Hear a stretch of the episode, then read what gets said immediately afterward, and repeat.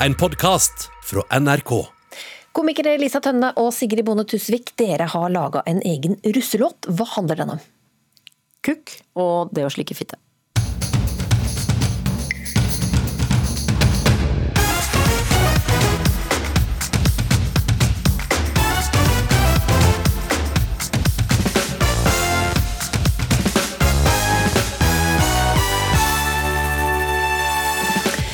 Det ble feil å si ja til vaksine, men også feil å si nei. Denne uka har politikerne fått kjenne på folks misunnelse, sier psykolog Eva Trytti. Jeg har litt vondt av dem. Det er ganske tungt å bli utsatt for andres misunnelse. Det er en veldig sterk følelse, og den kan være veldig destruktiv. Alle må ikke løpe til puben med en gang, advarer bekymret forfatter etter at Oslo åpna utelivet igjen. Hun møtte politikeren som tok en utepils i regnet så fort det var lov. Gjengen i TV-serien Friends ble samla på skjermen igjen denne uka etter 17 år. TV 2s Siri Avlesen Østli var så fan at hun hadde på serien døgnet rundt, selv mens hun sov. Og Tusvik og Tønne altså, de er så lei av at russelåter handler om horer, så nå svarer de med samme mynt tilbake. Velkommen til eh, ukeslutt. Jeg heter Linn Beate Gabrielsen. Det har eh, storma mye rundt stortingspolitikere som ble satt foran i vaksinekøen denne uka. Nå viser en undersøkelse fra Opinion at bare 24% av oss mener det er riktig at de ble prioritert. En av dem som takket ja til vaksine, var Arbeiderpartiets Tuva Moflag. Men eh, veien fram til stikket besto av både mediestorm og umulige dilemmaer. Jeg må jo nesten spørre hvordan føles det nå som du er Du har fått stikket? Det blåser frisk bris på Akershus festning i Oslo. Arbeiderpartiets Tuva Moflag kommer nyvaksinert ut fra det improviserte vaksinesenteret som voktes av politi og sikkerhetsvakter. Stortingspolitikeren har nettopp fått sin prioriterte og omdiskuterte dose med koronavaksine.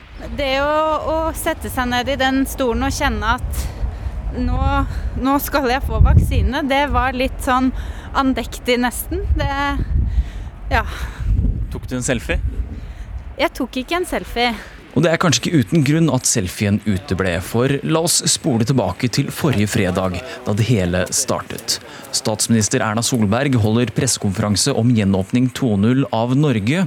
Rett før hun runder av, kommer hun med denne meldingen. De fleste i risikogruppene er snart vaksinert. Derfor har regjeringen bestemt at inntil 500 personer som er samfunnskritisk nøkkelpersonell, skal vaksineres. Nyheten var nærmest en innskutt bisetning.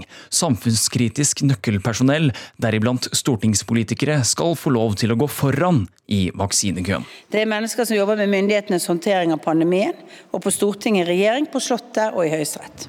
Det tok litt tid før media skjønte hva det innebar, men Tuva Moflag forsto at her kunne det bli bråk, og hun la ut sin begrunnelse på hvorfor hun takket ja til vaksinen på Twitter. Så det var både fordi at det er litt den stilen jeg har, å være til stede, synlig i debatten, ikke skygge banen. Eh, men også fordi at jeg tenkte kanskje det kunne gjøre det enklere for noen av mine medrepresentanter å stå i det samme. Mediekappløpet var derfor i gang og rapporterte om ja og nei fra ulike stortingsrepresentanter i hytt og vær. Også folket på gata var engasjerte. De bør, eh, de bør være i samme kø som alle andre i Norge. Nei, jeg syns de prioriterer helt feil. De er jo sin egen boble på Stortinget, for, for å si det sånn. Fordi det er andre som trenger vaksinen mer enn stortingspolitikere som lever et så beskytta liv på Stortinget. Ja, jeg skjønner at folk reagerer på det. Mange ville kanskje også ønske at det var de selv som ble prioritert. Selv om vi ikke sier det så høyt, så er det jo mange av oss som også tenker fader Ulland, når er det min tur? Ikke sant? Rett og slett misunnelse. Og vi tenker, og de får dette rett før ferien, nå skal de sikkert dra til Frankrike og Korfu, ikke sant? Mens jeg sitter her, regntungt Norge. Psykolog Eva Tryti tror det kan være snakk om klassisk misunnelse. Altså, misunnelse er med oss fra urtiden, holdt jeg på å si. Vi, er den følelsen vi er mest flaue over av grunnfølelsene. Uh, Sjalusi går jo på å tape noe vi har, altså tape kjæresten din eller sånn. Mens misunnelse er at vi vil ha noe som andre har, ikke sant. Ingen reagerte da de eldste fikk vaksine først. Men når folkevalgte politikere går foran i køen, så blir det noe annet. Vi, vi misunner dem vi sammenligner oss med. Altså dem det er naturlig å sammenligne seg med. Og vi sammenligner oss Hvis vi er 30-40-50, vi sammenligner oss ikke med en syk 85-åring. Ham, ham unner vi det, ikke sant. Men nå er vi ikke lenger i samme båt. Det begynner å bli grupper som virkelig er i en annen båt. Og da kjenner vi på at vi sitter i buret selv. Derfor var det kanskje ikke så rart at saken endte opp i debatten på NRK1. Velkommen Monica Mæland, som eh, kan vente sitt første stikk allerede denne uken. Justisministeren forsvarte regjeringen så godt hun kunne, mens de andre politikerne som takket ja til vaksinen, ja, de glimret med sitt fravær. Overlege Trude Basso satte kanskje fingeren på hvorfor. De taper hvis de sier nei, for enten så blir de beskyldt på at de skal liksom, nå skal de vise seg, var det høy og mørk, var den som kommenterte. Eller så er man på en måte egoist fordi man sier ja til en vaksine. Så det er liksom en tap-tap-tap-situasjon. Det er tap for det er tap for alle. Ja, de har jo på en måte havnet i en sånn klassisk etisk dilemma. Dette er jo nesten helt etter boken. Det sier filosof ved Høgskolen Innlandet, Einar Øvrenge. Det er på mange måter et uløselig dilemma, og det er derfor det diskuteres så mye. fordi disse, det, det fins to, to handlingsvalg her. Enten gjør du det, eller så gjør du det ikke. Sier du ja, fremstår du som egoistisk. Sier du nei, kan du enten så tvil om vaksinen, eller gjøre det for politisk vinning ved å si at andre burde få den før deg. Men det er et moment til, forteller filosofen. Det er klart at en politiker, og jo mer makt du har, jo mindre privatliv kan du kanskje si at du har. Men akkurat sånne type spørsmål, som, som, går på helsespørsmål, det er jo veldig personlige spørsmål for mennesker. Og, og det kan føre til at man liksom presser hverandre til å være mer åpne om privatlivet enn man strengt tatt uh, bør og skal eller ønsker å være. Og for stortingspolitikeren Tuva Moflag var valget enkelt. For meg så føles det helt riktig å takke ja til et tilbud om vaksine. Um, det har vært veldig tydelig lagt fram for oss at dette er et valg vi tar personlig. Og jeg kan bestemme over én vaksinedose. Den kan jeg si ja til, eller jeg kan si nei til den. Men etter at Moflag flagget sitt vaksineja i offentligheten, så begynte hun å angre på sin åpenhet. Nei, jeg angra litt på at jeg hadde lagt ut det innlegget som jeg gjorde. Ikke for min egen del, egentlig, fordi at jeg er veldig komfortabel med den type åpenhet. Men ved at jeg var åpen og sa hva jeg gjorde, så bidro det til å legitimere at medier kunne grave videre hos de andre. Og det tenkte jeg ikke på. Jeg gjorde det liksom for å være real, for å være litt ålreit, kanskje gjøre det enklere for andre. Men så har det en utilsikta effekt med at det blir et åpenhetspress som ikke passer for alle. da. Så hva er egentlig løsningen her? Burde vi jo bare droppe å vaksinere samfunnskritisk personell? Tuva Moflag har svaret. Hvis folk bare hadde fått vite om uh, Tror du Nakstad er prioritert her, eller? Da hadde alle bare klappet i hendene og sagt halleluja. Reporter var Filip Johannesborg. Gjenåpning, russefeiring og fint vær lokka mange ut i natt. Det har vært eh, store folkemengder samla, opptil 800 stykker rundt om i landet. Men i Oslo har det gått rolig for seg, til tross for at det endelig var gjenåpning etter nesten 200 dager. Og i dag er det nesten sydentemperaturer i hovedstaden, og reporter André Børke, du er på Sørenga i Oslo sentrum. Hvordan er det der nå? Du, det er faktisk så utrolig deilig på Søringa i Oslo nå. Altså, folk har trøkket ut og er lettkledde og bader. Det første som slo meg når jeg kom ned hit, var lukta av solkrem. Og stemninga den er faktisk helt på topp nå. Det er så god stemning her. Og det er fullt av glade Oslo-borgere her, altså. Eh, og jeg har også med meg en jentegjeng her. Det er altså Jenny, Eila og Hanna. De, dere har tatt turen ut i dag. Yes, det har vi. Stemmer. Hva syns dere om været? Det er utrolig deilig og varmt, og det føles ut som Syden, rett og slett. rett og slett. Vi kunne ikke bedt om bedre vær. Ikke sant? Eh, men for enkelte av dere så er det jo litt sånn ekstra deilig, og jeg sikter meg mot deg da, Jenny. Hvorfor er det litt ekstra deilig for deg å komme ut i dag? Eh, fordi jeg har vært i isolasjon eh, fordi jeg har hatt covid, men i dag så kom jeg ut, endelig. Ferdig med det, ikke smittsom lenger, og ja, det var utrolig deilig å ha kunne komme ut til det her været når man først skal ut. Men hva, hva syns dere, Hvordan syns dere folk oppfører seg da? Er det rikelig med avstand blant folk? Hva, jeg synes folk eh, er veldig flinke. De, de, setter seg i egne grupper og ja, bare koser seg med sine og med sola. Hvordan er det dere passer på å opprettholde smittevernreglene? Vi holder oss til kohorten vår, og så passer vi på å oppdatere oss på reglene og ikke være for mange på samme plass. Og Men hvordan skal dere bruke denne dagen her da, i, i finværet? vi skal først sitte her en stund, og så skal vi dra i parken etterpå. Hvilken, hvilken park er anbefalingen? Eh, kanskje Nedre Foss? Nedre Foss. Det er på Løkka. Hva, hva, hva er oppfordringen deres til eh, andre Oslo-borgere nå, da, som eh, lurer på hva de skal gjøre i dag? Gå ut, om så bare gå en tur, men vær ute i sola, nyt det. Uh, Smør deg med solkrem der sola tar. Ja, det er altså, som dere kan høre, god stemning her også på Soleng- eh, Sørenga, hvor eh, sola skinner, og det er rett og slett sydentemperatur. Ah, smaken av Syden i Norge i dag. Takk, André Børke. Jentene oppfordret alle til å løpe ut, men det er altså én som fortsatt mener det er gode grunner til å holde seg hjemme, og det skal vi høre mer om litt uh, seinere i sendinga. Og så er det sånn at eh, det er store kontraster i landet vårt nå, for eh, samtidig som Oslo åpna, så har bl.a. Hammerfest fått et stort smitteutbrudd. Og for få minutter siden så var det pressekonferanse om ståa der. Og hvordan er situasjonen der oppe nå, reporter Allan Klo? Nei, den er jo litt surrealistisk eh, fremdeles. så Jeg må jo bare personlig si at det var veldig artig å høre den flotte reportasjen fra, fra et Oslo som har åpna opp, og spesielt eh, sydentemperatur gjorde inntrykk. Vi får vente litt med det her. Men um, det jeg kan si om, uh, om siste nytt fra Hammerfest, det er at de fortsetter nedstenginga ei uke til. Det er en avgjørelse som er tatt i samråd med FHI. 265 personer er smitta i Hammerfest.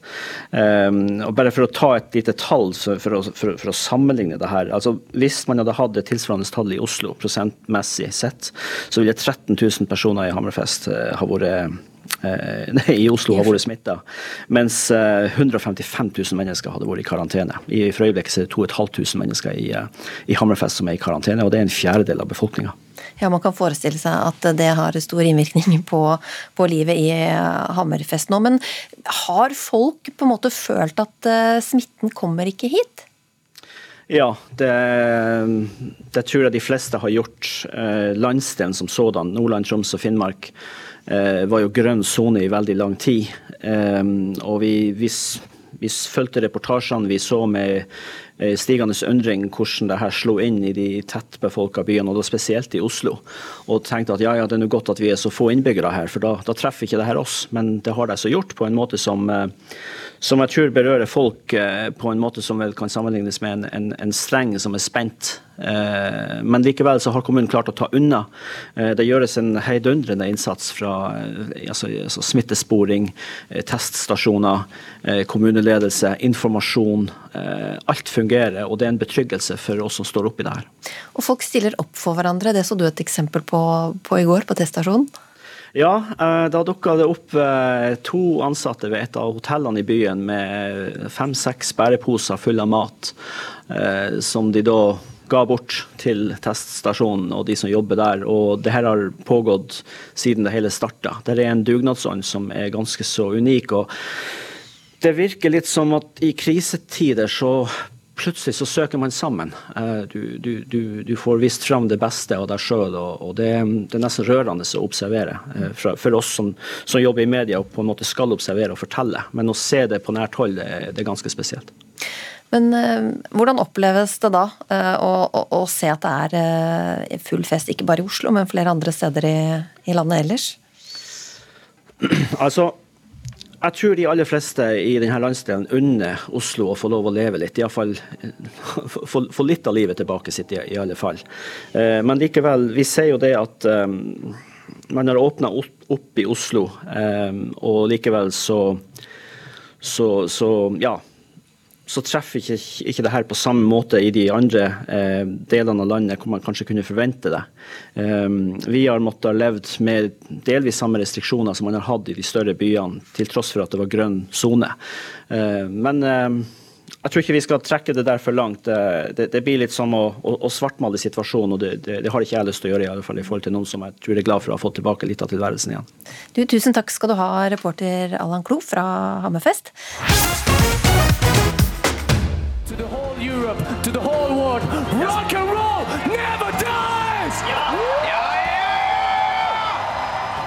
Ja, sånn låt det under Eurovision Song Contest i Nederland forrige helg, og flere tusen publikummere klappet, jublet og heiet på sine favoritter fra salen. Og i kveld er det klart for barnas egen Melodi Grand Prix her i Norge, MGP Junior. Og da må vi høre med programlederne Viktor Sotberg og Selma Ibrahim. Kommer Oslo Spektrum der dere er nå til å fylle stranden med publikummere? Nei, Eh, det gjør det nok ikke. Men eh, det kommer til å fylles i randen med masse moro og god stemning!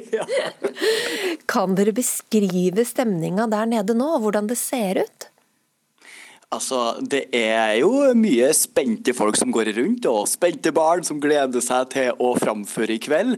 Eh, Men det er veldig god stemning, fordi vi har på en måte fylt Spektrum med både en helt kul verden som vi skal vise fram til dere i kveld, eh, og masse gøy hemmelige ting som vi ikke vil si helt ennå.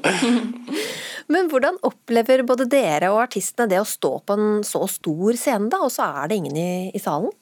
Jeg tror at selv om det ikke er noen i salen, så tror jeg man får den samme nerven. Altså Man vet jo at det sitter veldig mange hjemme og ser på, og når det kameraet lyser rødt, på en måte, så er det jo sånn da må du prøve å gjøre ditt beste, på en måte.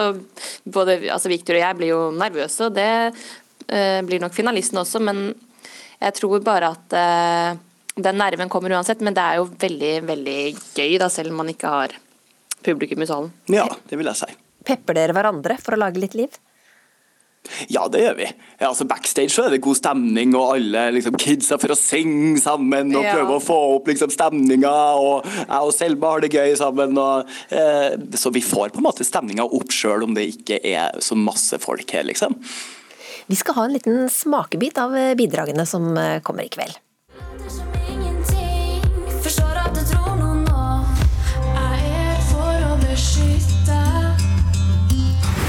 Var da vi steppa inn. Når vi kommer inn, gjør vi hva vi vil.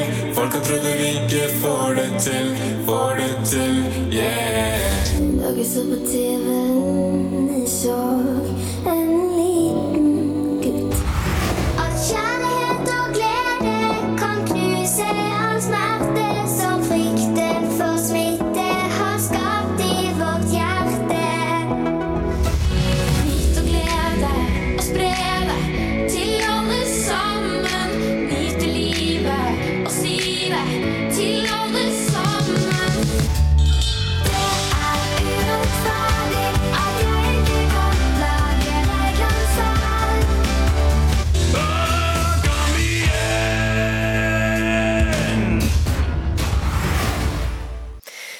Miljø og klima har jo tidligere vært et eh, populært tema i MGP Junior. Hva er det de unge artistene synger om i år?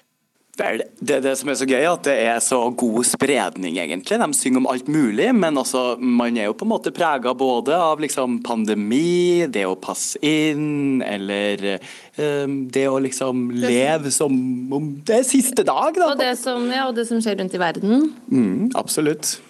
Hørt at det er noen som rett og slett bare vil si at det er urettferdig at de voksne skal bestemme også? Ikke sant? Det er liksom hva, hva enn som betyr noe for på en måte artistene våre. Vi er innom litt alt mulig, egentlig. Så var det jo en eh, skikkelig rockelåt som vant den internasjonale Eurovision-finalen forrige helg. Hva slags eh, låt tror dere slår til i kveld? Det tror jeg ikke Det er veldig vanskelig å si. Vi syns jo egentlig at alle de åtte finalistene vi har er eh, verdige vinnere. Og, og er veldig, veldig flinke alle sammen. Ja, og det er jo som jeg, som jeg sa, det er det som er så gøy med at alle er så forskjellige. Og da vet man liksom ikke helt. ok, alle har liksom, Det er forskjellige sjangere, og det er forskjellige typer låter. Det går nesten ikke an å sammenligne Nei, det engang. Så det blir, vi er like spent som eh, på en måte alle som ser på. Ja. Kan vi da få høre deres eh, beste felles heiarop nå?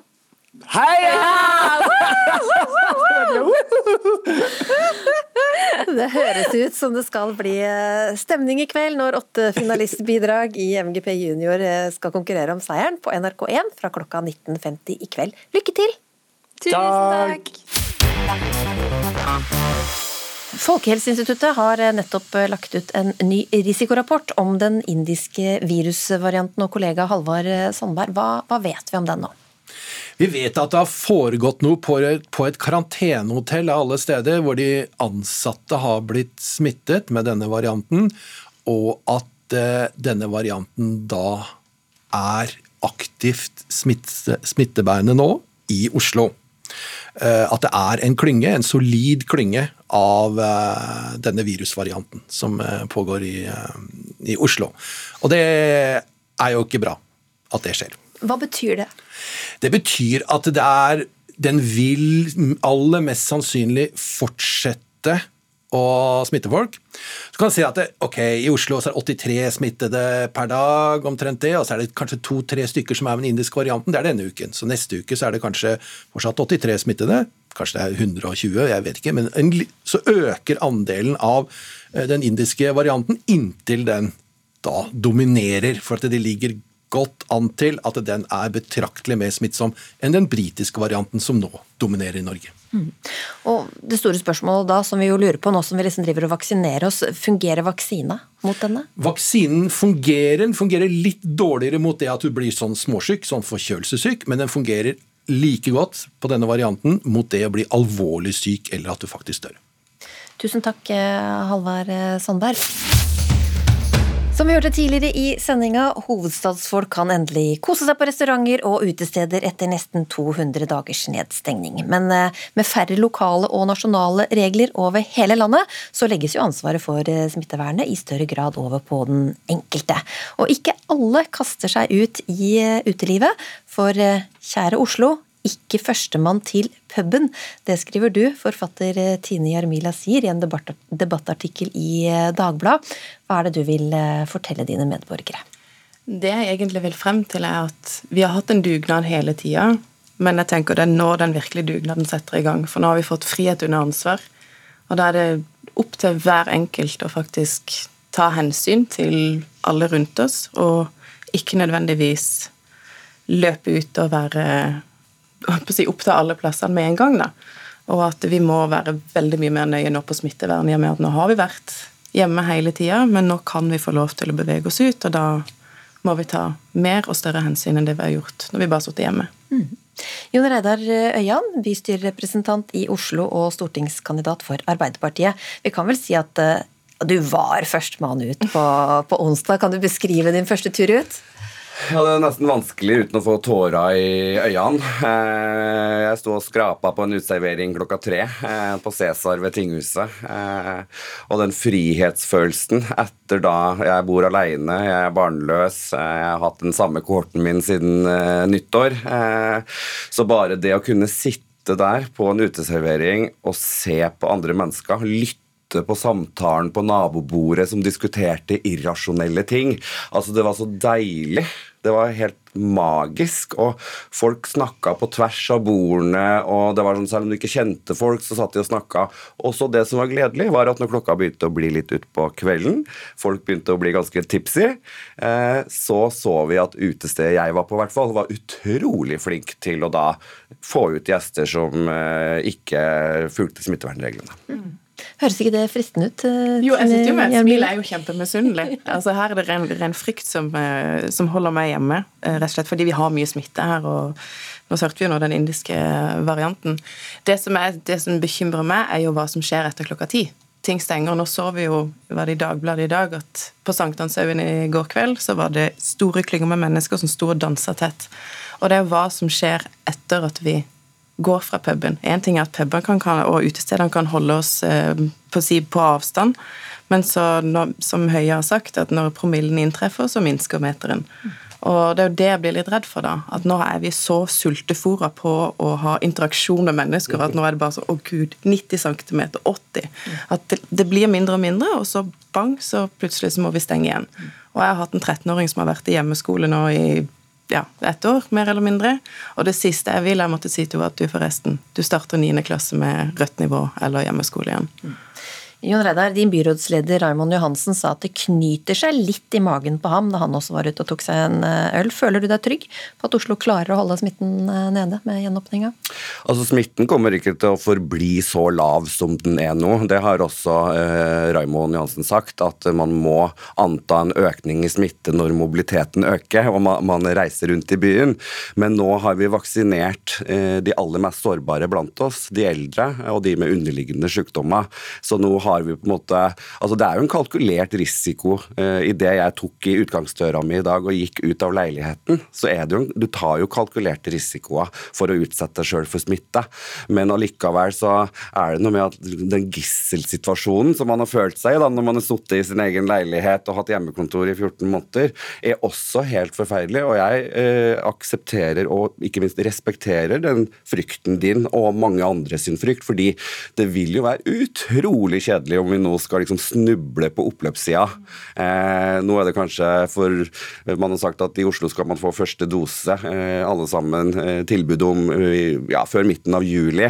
Det er, liksom, det er så kort tid til. Så jeg håper jo at folk bruker det som jeg kaller sunt bondevett, da, og på en måte tenke seg litt om å, å overholde den meteren, men fortsatt jeg tror det går an å ta seg en knallfest samtidig som man klarer å holde avstand. I går så måtte jeg ha en litt sånn forsiktig opptrapping, så da, etter hvert ute dagen før, så var jeg på en grillfest med tre andre, og de tre var vaksinerte, og da var det veldig trygt og godt, men vi satt fortsatt med avstand og er veldig sånn fordi det er innprenta i hodet vårt. Men eh, Tine Jarmilla, stoler ikke du på folks ansvarlighet? Nei. Jeg tror ikke jeg gjør det. Jeg tror jeg har sånn mistillit bare fordi at jeg går rundt og ser Og nå går en jo rundt med sånn falkeblikk på sånn vær så snill å holde avstand fordi jeg selv har vært så redd, og er så redd. Eh, Men senest i går så måtte jeg tipse politiet om et utested som var fullstendig overfylt, hvor, ingen, hvor folk ralla rundt uten munnbind og ansatte traska rundt. Og da blir jeg sånn Ok, hvis ikke og det sier jeg ikke er altså jeg, Når jeg har sett rundt nå, så har de aller fleste utesteder har jo full kontroll. Det siste de vil er jo bli låst ned igjen. Men at sånne ting forekommer, og at, man, at grupper med mennesker som besøker utesteder, ikke selv tar ansvar og tenker ok, hvis ikke de tar ansvar, skal i hvert fall jeg gjøre det. Eh, Så nei, jeg har kanskje litt mindre tillit enn det andre har. Du brukte et uttrykk, eh, det der med eh, kyr som blir sluppet ut på vårslipp. Du er ikke redd for det, Jon Reidar? At gleden blir litt større enn forstanden? Altså Det er mye uløst energi som nå skal ut i byen vår, og det ser vi jo. ikke sant? Fremmede mennesker snakker til hverandre. De, de nikker og de smiler og de, de er euforiske. da. Og jeg syns jo det er en fantastisk følelse å se. Og så er jeg jo helt enig at vi må mane til at nå må vi følge disse reglene. eh, ikke sant? Og næringsbyråden var også ute nå og sa liksom at sånn, her er de seks budene som utestedene må følge, og det blir kroken på døra hvis utestedene ikke eh, oppfører seg heller. Så, så jeg vil liksom mane til mine medborgere og si at sånn, oppfør dere når dere tar den pilsen ute, eh, og ikke påføre heller eh, utestedene og serveringsbransjen den risikoen at de må stenge ned fordi du har vært en idiot. Men tror du du tør, eller andre folk tør, å si fra til andre som liksom trår over de grensene? Altså, Det tror jeg er bestemt, fordi jeg merker vi snakka litt om det i sted. Den der sosiale kontrollen som vi nå har liksom satt i gang. altså Hvis vi ser noen på T-banen uten munnbind, så blikker vi de og blir nesten litt sånn derre Eh, Så jeg tror nok at vi skal klare eh, å si fra om det. Eh, Og det så jeg også når jeg var ute på, på onsdag. At den derre eh, justisen som hersker. Fordi ingen vil jo at noen idioter skal ødelegge for at vi faktisk skal kunne kose oss og ta tilbake byen vår etter at vi har vært frarøva all sosial glede det siste året. Så, og jeg tror ikke folk klarer å forstå det at liksom, hvor lang tid 199 dager faktisk er. Eh, det er en evighet for oss som er rimelig utadvendte. Altså. Når ser du for deg at du skal ta deg en tur ut? Nei, nå har jeg vært litt sånn jeg sender andre i front, så jeg venter nok et par ukers tid, ser hvordan vi ligger an da, og så kanskje, kanskje gå ut. Men jeg skal ut og spise en lunsj etterpå nå, og så se om jeg klarer å sitte og slappe av og kanskje nyte det. Ja. Eh, vi får eh, se, da. Eh, jeg vet ikke om det beroliger deg at politiet egentlig meldte om en ganske rolig kveld i, går, da, uten sånn altfor store ansamlinger. Men tusen takk for at dere ble med i Ukeslutt. Forfatter Tine Jeremila sier ha en strålende helg, og det ønsker jeg deg også, Jon Reidar Øyan. Så får vi se da om folk følger forfatteren eller politikeren her. Tusvik og Tønne, dere skal snart snakke om russelåta deres, men hva syns dere om Friends? Altså, Jeg eh, elsker Friends, syns det er en fantastisk serie som faktisk også har tålt tidens tann ganske godt. Så på den eh, da jeg ammet lille Lola eh, og var våken på natten på min lille iPod med øretelefoner. Det holdt jeg på med. Jeg også så Friends, det var nesten det eneste jeg fikk lov til å se på hjemme med de to kanalene vi hadde. Så jeg elsker Friends. Jeg elsker Smelly Cat og Phoebe og altså Jeg elsker alle karakterene. Jeg elsker det enkle, det lette. Det er, eh, det er en helt unik eh, serie. Smelly Cat opp mot uh, russelåta di. Smellicum. Smellicum, smellicum. Ha, du, du, du, du. Det blir mer om eh, gjenforeningsepisoden til Friends i løpet av den eh, neste halvtimen. Denne uka ble det kjent at eh, politiet starter etterforskning av netthets mot eh, Lan Marie Berg. MDG-politikeren har den siste tida blitt omtalt med grove karakteristikker på en eh, Facebook-gruppe, og hun er glad for at dette nå blir tatt på alvor. Etter så mange år med mye aggresjon og trusler og hets på nett, så er det nesten umulig for oss som enkeltpersoner å få anmeldt det, få kartlagt det. eh, Og dermed så får heller ikke politiet etterforska det, så det blir en ond sirkel. Så jeg er veldig glad for at eh, politiet tar det på alvor og tar tak i det. Og så sier også Lan Marie Berg at vi trenger voksenopplæring på hva vi skriver, og den ballen skal vi plukke opp her i ukeslutt. For i studio har vi to som har gjort seg mange tanker om hva som kan gjøres, og som selv også har kjent på hetsen. Journalist og kommentator i Aftenposten Ingeborg Senneseth, velkommen. Tusen takk. Hva skjer når eh, du skriver om f.eks. vaksiner og kosthold? Eh, Da kan jeg forvente at jeg må prøve å sortere veldig i hva jeg leser. Eh, Ikke da skal skal sperre noen ting ut, men det kommer en veldig stor strøm av tilbakemeldinger. Det er jo utgangspunktet positivt. Man vil jo bli lest, man vil jo bli hørt. Man har jo et budskap som man mener er viktig. Og det er jo den eneste grunnen til at jeg gjør de tingene jeg gjør. For jeg er jo ikke noe glad i oppmerksomhet, og jeg er i hvert fall ikke glad i konflikt. Men det blir det, fordi at eh, de tingene jeg skriver om, som jo egentlig handler om å redde liv, er veldig veldig provoserende for noen som kanskje føler at de får fratatt en frihet, eller som bare syns at jeg er en stor idiot, noe som er lov til å mene. eh, Men det er veldig mange måter å gi den tilbakemeldinga på. Um, Det vil gjerne være alt mellom si 200 og 2000 tilbakemeldinger, eh, og veldig mange av dem er dessverre av en karakter som ikke egner seg å si på radio. Um, og problemet er sjelden den enkelte som er skikkelig kjip. Eh, Du kan sammenligne det litt med det å få et vepsestikk. Det er vondt, men det går bra. Problemet er at det er så veldig, veldig, veldig mange at det blir så mye støy. Så heller enn å sammenligne hver enkelt med et vepsestikk, så er det som å ha hodet ditt inni et vepsebol og prøv å konsentrere deg om den teksten du har skrevet. Og prøv å gi skikkelige tilbakemeldinger på dem som er kritisk på en normal måte. fordi at kritisk skal du selvsagt kunne være.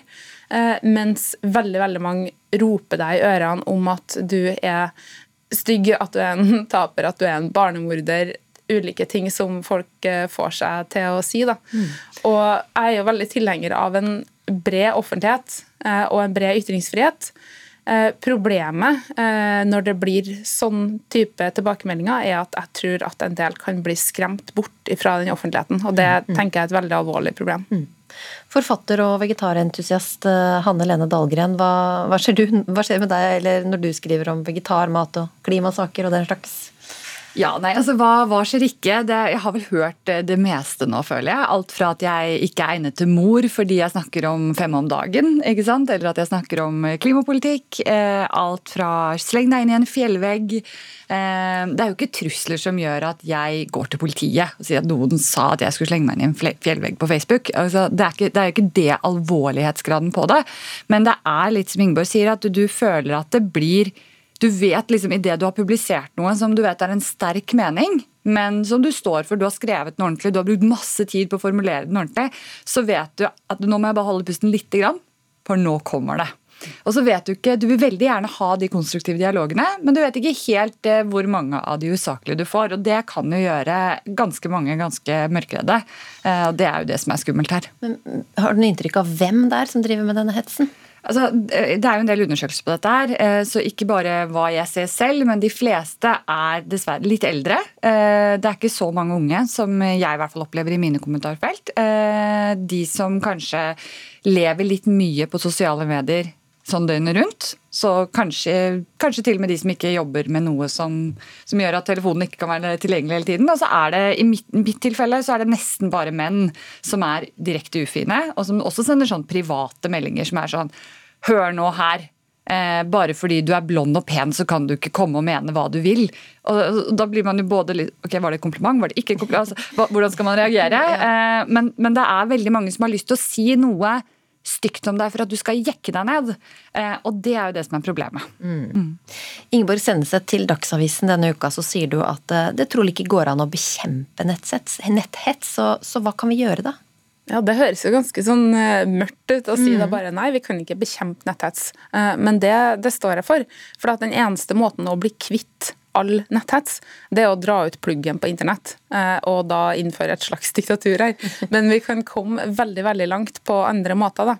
Uh, for det første så må jo selvsagt uh, Facebook-grupper og sånt som da har en gruppedynamikk eh, som er negativ. Um, man bør lytte veldig nøye når Harald Klungtveit i Filter nyheter forteller om hvordan sånne grupper fungerer, fordi at de fyrer hverandre opp. Eh, og det blir mer hets fordi at andre hetser. Eh, den der trykkokerteorien kan man bare legge ned med en gang. Det er ikke sånn at folk på en måte får det ut. De fyrer hverandre opp. Um, sånn at gruppene er sterke på moderasjonssida, det er ganske viktig tiltak i seg sjøl. I tillegg så må også pressen gå i seg sjøl. Uh, vi har ganske mange nettaviser som ikke står tilbake for å legge ut en sak uh, med relativt provoserende og enkle utsagn som er veldig egnet til å skape provokasjon framfor å skape dialog. Der er det viktig å gå. Hva politiet kan gjøre, det er jeg ganske spent på, fordi at det er veldig sjelden eh, med dem der som går akkurat over grensa. Eh, Fordi at den grensa skal være langt der framme. Så det avventer jeg litt å se. Eh, Men enklere da, enn å drive og bekjempe netthets, er det også kjempe for at flere skal delta. Fordi at vi kan aldri få tømt internett for all den dritten som er der, men vi kan få fylt den opp med veldig mye bra. sånn at hvis flere deltar, hvis flere orker å trykke bare den der ene liken, du trenger ikke å gjøre så mye mer enn det, men flere stiller spørsmål. Det er et sånn fantastisk eksempel. Hvis man går inn på Instagrammen min, så har jeg lagt ut et bilde der det er ei som heter Jorunn, aner ikke hvem hun er, men hun var i ei sånn gruppe med Lan Marie Berg Hets, og hun går inn på de forskjellige kommentarene og sier ja, hvorfor det? Hvorfor sier du sånn? Ja, hvorfor mener du det? Og Det er helt konge å se på, og det er sånn inspirasjon. jeg tenker. Det er et godt tips. Eh, Hanne Lene Dahlgren, du har også laget en slags eh, plakat eller oppskrift for god kommentarskikk. Hva, hva er det man bør gjøre? Eller si, Altså, det er mange, mange ting man bør gjøre, men jeg tenker at eh, nummer én for altså, helt vanlige folk som kanskje ikke er så veldig glad i å være i kommentarfelt Jeg spurte følgerne mine i går er det noen liksom, er dere i kommentarfelt, hvorfor ikke? De fleste skrev rett og slett eh, nei. Fordi der er det bare hat. Eh, og da lar vi jo disse kommentarfeltene fly av gårde og bare mobbe. Så jeg tenker For helt vanlige folk så handler det om å tørre å steppe opp og gi en Om det, alt du gjør er å gi en like på en kommentar som du syns var bra, pass på da at du gir en like på ting som ikke er ufint overfor andre, selv om du er enig i budskapet. Og så tenker jeg Nummer to er å kanskje, hvis du skal gå inn i en diskusjon på Facebook, eller hvor det nå er, tenk på det. Er jeg her for å overbevise den andre personen, eller er jeg her for å løfte saken til et annet nivå, eller å vise et annet kanskje innsikt? Eh, fordi Jeg lærte noe da jeg var 15 år som jeg lever etter ennå. Det er den som taper en diskusjon, det er den som ikke har endret standpunkt. Det vil si, altså, Du vinner en diskusjon hvis du har endret standpunkt etter å ha brukt energi på å diskutere.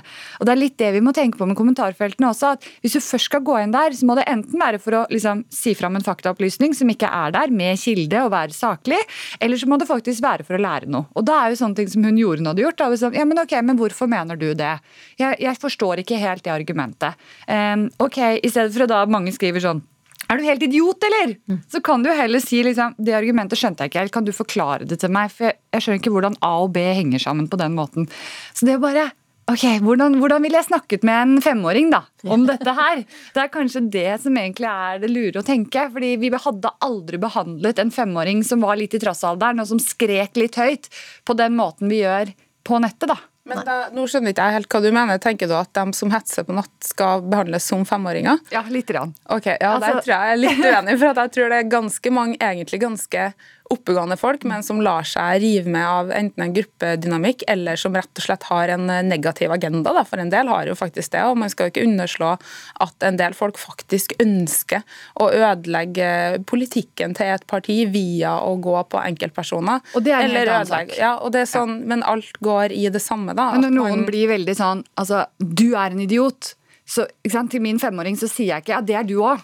Da, da tar jeg et steg tilbake og så tenker jeg, ok, jeg hører at du sier at jeg er en idiot, men det vi snakker om nå, det er denne politikken her. Hvorfor mener du egentlig at du bør ta på deg den lilla skoen i stedet for den blå? da? Det er litt det jeg mener. altså Ta det steget tilbake og ikke la seg hause opp selv. Da skjønner jeg bedre hva du mener. så det var bra du poengterte det, så ikke alle andre trodde det òg. Ja, men da sier jeg tusen takk eh, for rådene. Da er vi alle kanskje forhåpentligvis litt bedre rusta til å bedrive i kommentarfeltene. Takk skal dere ha, eh, kommentator i Aftenposten Ingeborg Senneset, og forfatter og vegetarentusiast Hanne Lene Dahlgren. Instagram.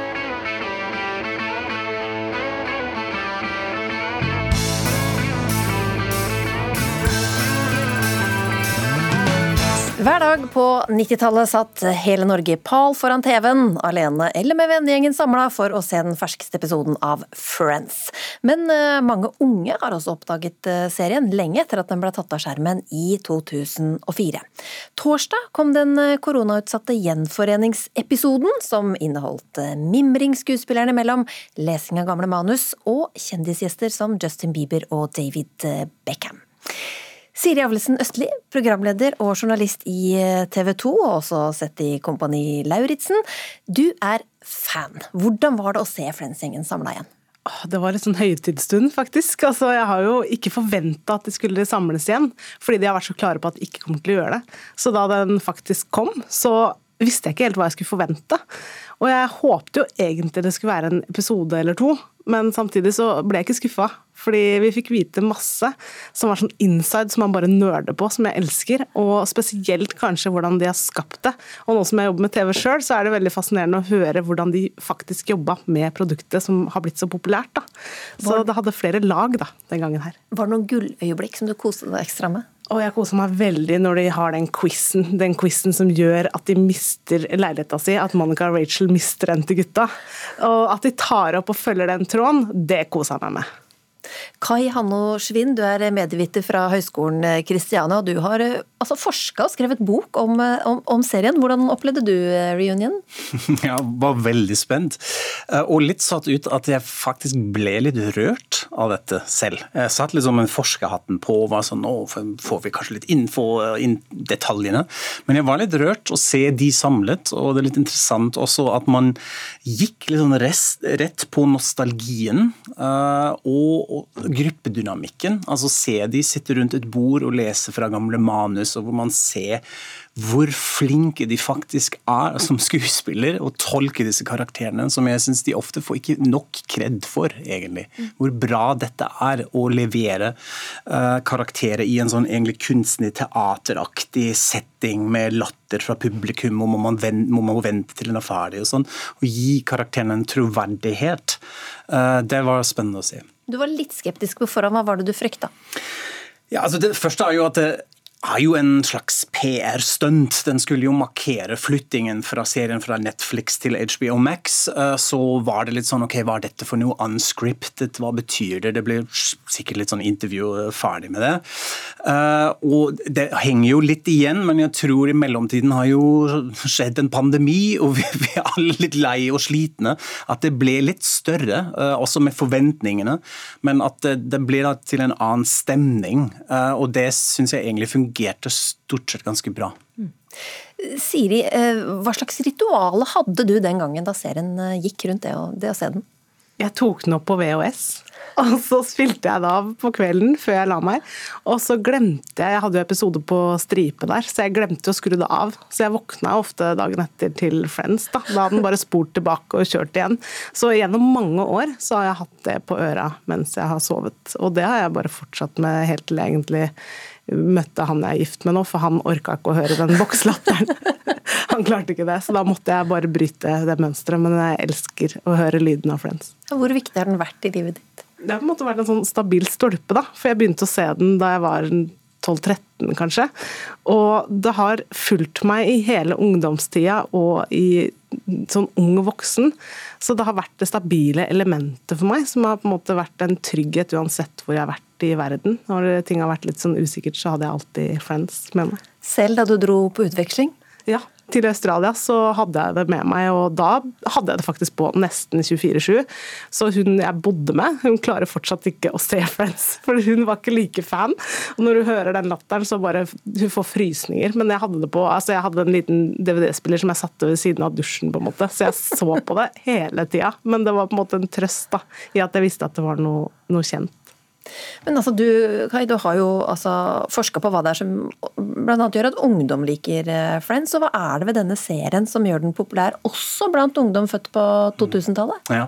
Jeg tror det er litt sånn to ting. Det ene er at dette er en serie som handler om å bli voksen, om å vokse opp, om, om, om, å håndtere forhold, voksenliv, å finne seg jobb. Alt det vi er opptatt av uh, i 20-årene. Disse små og store kamper som vi tar. og Det har jo serieskaperne selv sagt, at de hadde lyst å skape en sånn tutorial for å uh, håndtere det voksenlivet uten at man kommer med en sånn moralsk pekefinger og via humoren sier det er greit å feile, feile også. Du kan tulle om alt dette her, det går greit. Så dette gjelder jo fortsatt i dag for alle, også som er unge. Men det andre som jeg syns var litt interessant når vi snakker med millennials og folk som er enda yngre, det de digger med serien, er ikke bare en sånn enkel 90-tallsnostalgi, men også at dette er fra en tid før sosiale medier, før Tinder, før mobil som surrer hele tida. Så når de dater i Friends, så må de jo faktisk møte på kafé, snakke sammen, og dette har mange sagt skape en sånn avslappet, deilig stemning hvor man kan roe ned dette sosiale mediehjernet, som kan være en forklaring hvorfor den er fortsatt så populær. Er det noen eh, Påvirker Friends livet ditt nå, Siri? Er det sitater og sånn som liksom dukker opp i fortsatt? Og Det dukker stadig vekk opp. Jeg, har jo, jeg vet jo hvem jeg kan gå til med Friends-sitater av vennene mine. Så stadig vekk så sender vi snaps eller eh, sender meldinger og bare ha, så du det, liksom. Det minner meg om eh, Janice eller det minner meg om Joey. Så man har en sånn intern greie på det, og det skaper en slags tilhørighet, da. Så Nei, det var mange som gleda seg blant mine venner også til denne episoden. Har du noe favorittsitat? Det er jo 'Joey doesn't share food', og det bruker jeg ofte på hjemmebane. Jeg kjenner at det, det kan være litt irriterende. Hvis du virkelig har ordna deg en tallerken, så kommer noen og bare napper det vekk. Så der har jeg full sympati. Uh, og du Kai, hva, har du noen favoritter? Jeg har jo også det, etter å ha sett så mye på det under forskning, det jeg kaller for friends Tourette. At, jeg, at det kommer sånne sitater ut av lufta. 'Joey doesn't share food har jeg også. You gotta stop the q-tip when there's resistance, som Chandler sier. Elsker jeg også. Den dukker, altså det er massevis. Man blir ikke kvitt de sitatene. Fordi det er bra manus. Høy kvalitet manus, altså. Men er det alt som, som hold, holder i dag også, eller er det noe som er blitt utdatert? Ja, så Serien har jo fått en uh, ganske voldsom backlash i USA, også allerede da den kom ut. og Man sa dette er ganske blenda hvit her, dette er litt sånn white privilege. Hvor er alle de afroamerikanske latinokarakterer? Det har jo sett i New York, hvor er de? Og Da har de begynt å reagere på allerede med å skrive inn uh, afroamerikanske skuespillere i birollen og sånn, men etter hvert var det også ok, serien er homofob og transfob og sånn. Vi har jo sett nøye på dette også i, i boka, og vi mener altså det er en del ting selvfølgelig som man ikke hadde gjort sånn i dag. Det sier serieskaperne selv. Det er en annen kontekst. Man hadde kanskje ikke helt begrepsapparat og forståelse på plass. Tenker nå spesielt på karakteren av faren til Chandler, som skal være homofil, men blir spilt av en kvinne og har sauses masse sammen som vi hadde gjort annerledes i dag. Men at den er homofob, syns jeg egentlig ikke. Det vi har sett på, at dette, det er jo mange vitser rundt det men det er først og fremst en usikker maskulinitet i Chandler og Ross og sånn, som skal latterliggjøres, og ikke homofile. Tvert imot, de hadde det første lesbiske bryllup på TV som var ganske stort for en uh, primetime NBC-sitcom på 90-tallet. Så det er, det er både og, men mest kan man nyte den i dag uten at man må ha dårlig samvittighet, vil jeg si. Siri havner ute på Friends-kjøret igjen nå. Jeg gjør det, vet du. Nå kjenner jeg at når mannen sovner på sofaen i kveld, da blir Friends. Den som vil være med på mimringa, de kan se episoden på HBO Nordic. Og tusen takk, Kai Andersvin og Siri Avlesen Østli. Tujahekken er forhatt, men også elsket, og du kan knapt gå i et nabolag i landet uten å støte på en. Ja, tujaen splitter folket. Reporter Gry Veiby har møtt en av dem som helst skulle sett færre av de grønne, tette buskene. Her har du også et eksempel på da tuja som har fått stå litt og modnes. Jeg har tatt med meg Margrethe Gilmøyden på tujajakt. Det er jo tuja, tuja. Fangsten dukker opp omtrent ved annethvert hagegjerde. Det kryr av tujaer. Nå peker hageentusiasten mot en av dem. Et stort, veltrimma eksemplar, grønn og frodig øverst, men glissent med brune greiner nederst. Den har da brune ben. Den er blitt brun på bena. Og så er den eh, Den er veldig pent klippet i toppen, men de eh, stammene, de, de skal vi leve med. Lenge. Resten av dens liv. Vi er i et nabolag som kunne vært hvor som helst i Norge, for du kan ikke traske mange meterne før du støter på en tuja eller ti. Og de er 240 tuja og trampoline. 240 tuja. Den kom fra utlandet og feide rosebuskene og syrintrærne av banen. Nå er norske hjem omringa av en tettvokst grønn vegg. Og vi får ikke nok. Felleskjøpet har mer enn dobla salget så langt i år, sammenligna med i fjor. Onde tunger omtaler den som buskenes grandiosa, eller harryhekk, eller hagenes burka. Eller sagt litt mer nøkternt Jeg synes tujahekk er kjedelig og fiendtlig. Den kunne vært plast. Det er ingen overraskelser. Og det er jo det som er med tuja, at tuja er helt uten overraskelser. Så er vi 240 tuja og trampoline. 240 tuja. Nå står jeg oppe i arbeidsrommet mitt her, og så ser jeg ned på, på den eh, ene remsa med tujaer som står oppmarsjert pent på rad og rekke etter hverandre her. Kunsthistoriker Tommy Sørbø skrev nylig om sitt buskevalg i Telemarksavisa. Tittel på spalta Kunsten å elske en tujahekk. Jeg fikk jo mange advarsler, da, om at du må ikke kjøpe tujahekk, du. Som er kunsthistoriker, er du gæren. Det er jo dårlig smak. Det er jo skikkelig bad taste. Men så tenkte jeg eh, den er jo effektiv, og den dekker, og den er vel like grei som alle annen. Han syns den utbredte busken har fått et ufortjent dårlig rykte. Tujaen er bare hva skal jeg si for noe? Den er en hakkekylling, en, en, en, et offerlam for at eh, noen skal vise at de har god smak, og andre har da per definisjon dårlig smak. Det store filosofiske problemet ved tujaen, som jeg ser det, da, det er det at eh, hvis du ber de som er motstandere av tujaen om å forklare hvorfor tujaen er styggere eh, og, og mindre akseptabelt i de norske, eh, i de norske hagene enn en, la oss si bøkhekk eller, eller eh, spirea eller noe sånt noe. Eh, hva, hva er det ved selve busken i seg sjøl som gjør den stygg? Så får de veldig store problemer med å forklare hvorfor. Ja, la oss prøve. Margrethe Gelmøyden? Nei, det er ikke noe vanskelig å forklare. En bøkehekk forandrer seg med årstidene. Det gjør ikke tujahekken. Tujahekken kunne like godt vært en plasthekk som du har kjøpt på Ikea. Hun slår et slag for å plante andre vekster når man ønsker å skjerme for innsyn. Her har du syrinhekken. Og snart så blir det jo en parfymert fest å gå forbi her. Og kjenne lukten av de syrinene og se de blomstene. Ta ned en av dem og holde den inntil nesen og snuse det inn. Det er jo lukten av vår. Mens kunsthistoriker Tommy Sørbø har ingen planer om å plante om utsikten. Det nå ser jeg nå vokser den akkurat over naboet vinduet til naboen min, sånn at jeg kan eh, gå mer eller mindre halvnaken eh, forbi eh, vinduet her uten å bli eh, observert. Du kan si tujaen er eh, mitt svar på fikenblad.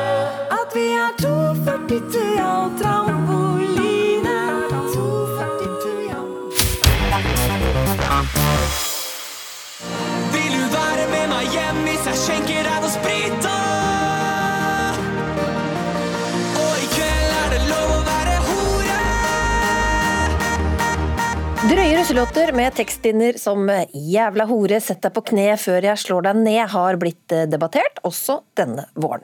Mens eh, noen frykter unge jenter blir vant til å få slengt hore etter seg, har bl.a. en russepappa ment at folk må slutte å la seg krenke så lett. Sigrid Bonde Tusvik og Lisa Tønne, dere er jo komikere og står bak podkasten Tusvik og Tønne. Og dere ble inspirert til å lage deres egen russelåt. Hvorfor det? Det er jo fordi at eh, vi føler at eh, nå må jentene opp og nikke i, i ringen. Og lage sin egen eh, russelåt. Altså, Russejentene lager jo russelåter, de også. På russebussjentebussene. Jeg har jo aldri vi- vært russ, og dette vet jeg ingenting om. Vi ble jo veldig inspirert av at nettopp han, pappaen, sier at man ikke må la seg krenke så mye. Og Derfor har vi laget en russelåt for russejenter som er bygd på samme lest som horelåtene til da bl.a. Tix og The Pussy Projects og alle de som lager russelåter. Men det som var litt fascinerende når vi lagde låta, er at eh, plutselig så ble eh, Man tenkte oh, den er grov. Altså vi selv sa oh shit, den er grov.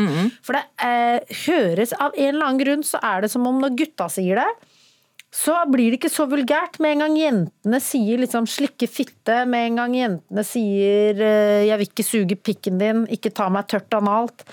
Med en gang jenta på en måte er den kåte, så blir det, oppleves det vulgært. Og det er fordi vi ikke er vant til å høre at jenter er kåte, og det har vi prøvd å gjøre i denne låta. Vi har prøvd å få kåtheten til jentene opp og fram på like trashy måte som gutta driver og snakker om at jenter er horer. Fordi jenter har lyst til å ta gutter. Det er ikke bare gutter som har lyst til å ta jenter. Jenter styrer også i senga. Det er ikke sånn at gutter tar jenter bakfra og, og bruker dem som en eh, oppblåsbar eh, dokke. Ja, hvorfor trenger vi høre mer om det, da? Det er bare at vi må venne oss til det. ikke sant? Så Når til og med vi som lager låta tenker oi, dette er grovt og dette er eh, hardt mot gutten, det tenkte jeg ganske mye når jeg, hører verset. Så tenker jeg det er ikke noe hyggelig for gutten at vi sier at størrelsen ikke teller, men det er jo faktisk sånn at størrelsen teller. Det vet absolutt alle jenter som liker gutter, at størrelsen teller. Er det noe jenter snakker om når det kommer til en gutt du har ligget med, så er det faktisk størrelsen.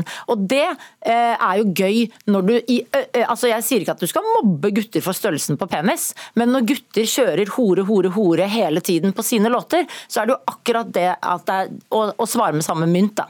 Og så er det også ganske eh, Altså, når du ser det derre eh, vi, vi snakker jo Kvinner og jenter snakker jo mer åpent om seksualitet nå enn det de gjorde før. Men jeg syns fortsatt at jentene ofte snakker om seksualitet på gutta sine premisser. At det er sånn 'Å, jeg er så fri. Jeg hadde trekant, jeg hadde firkant, jeg tok den i toeren.' Det, sånn, ja, er, det, er det så deilig, da? Det var helt Var det så deilig, da? Vi det prøver var det å det lære- nødvendig, da? Du får jo hemoroider av det. det er, eh, må, hvorfor skulle du bli tatt analt? Var du så fri når du ble tatt analt? Altså, det er et eller annet med også at kvinnen og jentene må ta tilbake sin seksualitet på sine premisser, ikke på guttas premisser. Og dere går jo all in her nå. nå dere har på dere rød russedresser. Hvordan gikk dere fram for å lage låta? Nei, vi, vi har jo fått masse fin feedback fra altså Vi kommer på uh, i en podkastepisode at vi skal lage russekukkelåta. Vi skal uh, kjøre den ganske hardt. Og så ble jo masse fungfolk, som vi kaller de fansa våre som hører på oss, de ble kjempeinspirert. Kom med uh, verselinjer. Det var veldig gøy, for det var sånn Beklager, jeg er en tobarnsmor på 39 år, men jeg har nå gått og laget en russelåt for dere. Her er den hvis dere vil bruke noe av den. Og så vi klippet og limt fra masse fungfolk, og så har vi laget refreng sjøl og eh, holdt på. Og så er det jo nettopp det at Benjamin Gjørts, som da har produsert låta, han kjenner vi via Cess Steinmann Næss, som vi jobber med. Og eh, han er jo en fyr som på en måte tåler og at vi skal ha det så likt russelåtmessig som mulig. Eh, så han var veldig deilig å jobbe med. Han skjønte med en gang hva vi tenkte når vi sa vi vil ha det sånn, vi vil ha det sånn, og så kom han med de forslagene han kom med, og så ser vi ja, sånn vi vil ha det. ikke sant? For den skal jo være litt parodisk, det er jo det. Den skal jo på en måte være en parodi på russelåt, samtidig, mm. som at den skal være så bra at vi vil at russen skal elske den. Altså det er på en måte, Jeg føler på en måte at Sjeiken ha pose og sekk. 2015 ja, Sjeiken 2015 er på en måte en sånn grunnhorelåt som ligger i bånn her, og så har vi prøvd liksom bare å få inn Jeg elsker Fakka Fakka best, jeg. Ja, eh, Makten. Versace. Nei, Makten 2019. Ja. det er mye gode russelåter der ute. Så vi har prøvd å liksom legge oss på det nivået. Vi må jo nesten høre, høre litt av låta. Eh, Vil dere selv introdusere den, kanskje? Ja, vi beklager på forhånd. Selvfølgelig vi legger oss flate, som vi egentlig alltid gjør, eh, når dere nå skal få lov til å høre denne låta. Og det er selvfølgelig muligheter for å sende hatmail i innboks. Men ikke drapstrusler. Nei, det er ikke lov. Det blir for Dette her er eh, russelåta 2021, og den heter Come Together 2021. Kanskje vi rett og slett til sommerfesten vår skal lage eh, kukkelåta.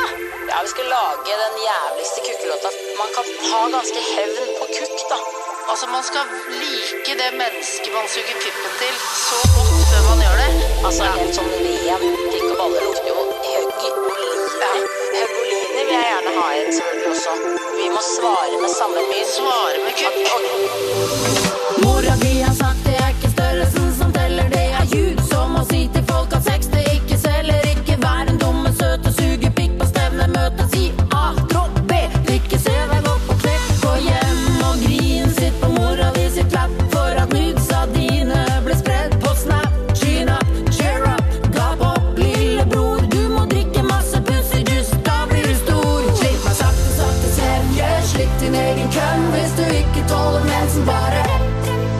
Det var altså russelåta deres, Sigrid Bonde Tusvik og Lisa Tønne. Dere synger jo blant annet 'Hvis du ikke tåler mensen, bare røm'. Men mensen er vel heller ikke så vanlig å synge om i russelåter? Nei, og det var jo litt viktig å ha med i refrenget. Eh, mensen. Og det, mensen er jo viktig for eh, menneskeheten. Så det er jo Jeg derfor så russegutter er blitt født. Ja, jeg hadde så utrolig lyst til å ha med det inn i en tekstlåt, at, eh, men det fikk vi ikke til. å- At eh, liksom, mensen er jo grunnen til at du er her. Ikke sant? Du skal takke mensen til mora di. Ikke vær flau over mensen. Altså, tenk at vi snakker om at mensen er et tabu fortsatt. Det gidder jeg faktisk ikke. Nei, det er jo en undersøkelse nå denne uka. 54% norske kvinner syns det er eh, skambelagt. Ja, og det er jo he altså Jeg skammer meg selv over mensen. Jeg er kjempeirritert på mensen, men eh, derfor er det nettopp viktig, da. Jeg kjenner meg selv igjen i at eh, jeg syns mensen er mas, og jeg syns det er unødvendig ofte å snakke mye om mensen. Men du syns ikke det er flaut? Nei, men jeg bare synes det er Veldig ofte så tenker jeg liksom at å, du har så veldig mye frihet rundt mensen, da. Og det er jo enten så det er jo litt de der eh, gruppene som er veldig for mensen, som skal snakke kontinuerlig om mensen. Lisa er jo veldig god, hun vet jo aldri når hun har mensen. Hun er jo 43 år og gammel, og det kommer som et sjokk på henne hver måned. Og du finner ikke et menneske som har mer mens på samme tid hver, hver, hver måned. Hun klokker inn altså hver måned helt riktig på mens, og, eh, og får altså totalt sjokk. Så jeg jobber jo tross alt veldig tett med en som snakker ekstremt mye om mens. Men jeg syns jo nettopp det å ha mensen i en russelåt, det er kanskje første gang, eller? Ja, det vil jeg tro. Er det mensedebut på Mense, russelåt? tror jeg det er, altså. Men hvorfor var det viktig at eh, låta skulle være så drøy da, og så grov? Vi fikk jo tilbakemeldinger når vi hadde urfremførelse på streamer.no fra publikum at den ikke var drøy nok. Eh, Men eh, det er viktig fordi den skal være gøyal. Det er jo det jeg elsker med horelåtene til Tix. Jeg elsker jo russelåter at det nettopp er grovt og drøyt. Det er hele poenget. Og jeg tror ikke egentlig at gutter eh, og jenter blir så påvirket av musikk. Eh, Selv om det eneste problemet med russelåter når de driver og snakker ned jenter, er jo nettopp at noen av disse russegutta har skrevet den teksten, og de ønsker å tråkke på jenter. Og Derfor så tenkte vi her er det et rom for å tråkke også på gutta. Jo, og det er det jo tror jeg er riktig måte å en- komme inn på I en, russelåtnivå. russetid, I en russetid så er det også mye alkohol. Det er unge mennesker med uferdige frontallapp i hjernen sin. Eh, Da trenger du ikke å ha en låt som pumper bak, som er bare voldta, voldta, voldta. Altså det, eh, så, så det er et eller annet med å bare styre skuta sånn at alle skjønner at eh, dette er tull og gøy. Men det skal være tull og gøy for alle, ikke bare eh, på noens premisser. Men hjelper det, da? Altså mot horestempelet, hvis dere er på en måte like drøye tilbake? Ja, det tror jeg, fordi det nettopp hjelper. Det fordi det vanner er ut hora! Det vanner ut hora. Gå vann hora di, sier jeg.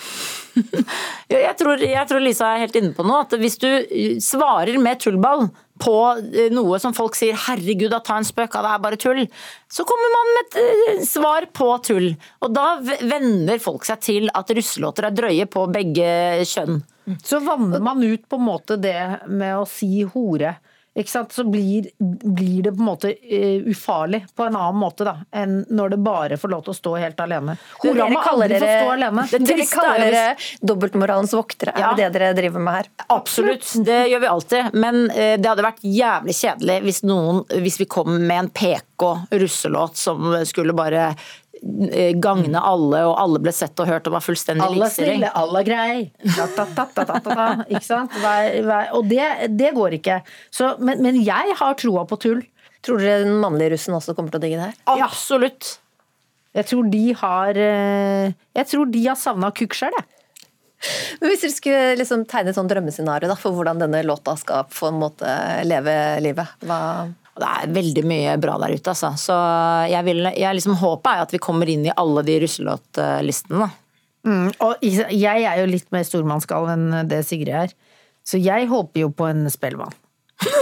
Ja, altså Mats Hansen har jo vunnet Spellemann Ja, for Sommerkroppen, så det her eh, Tics. kan jo, det Altså, kan jo skje. Mulighetene ligger der. Nå er i hvert fall låta ute på Spotify. Det er jo en god begynnelse. Takk skal dere ha, Sigrid Bonde Tusvik og Lisa Tønne.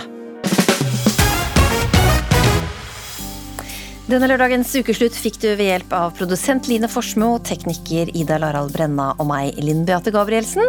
Ukeslutt kommer også i musikkfri utgave på P2 1603. Her på P1 høres igjen om en uke. Du har hørt en podkast fra NRK. Hør flere podkaster og din favorittkanal i appen NRK Radio.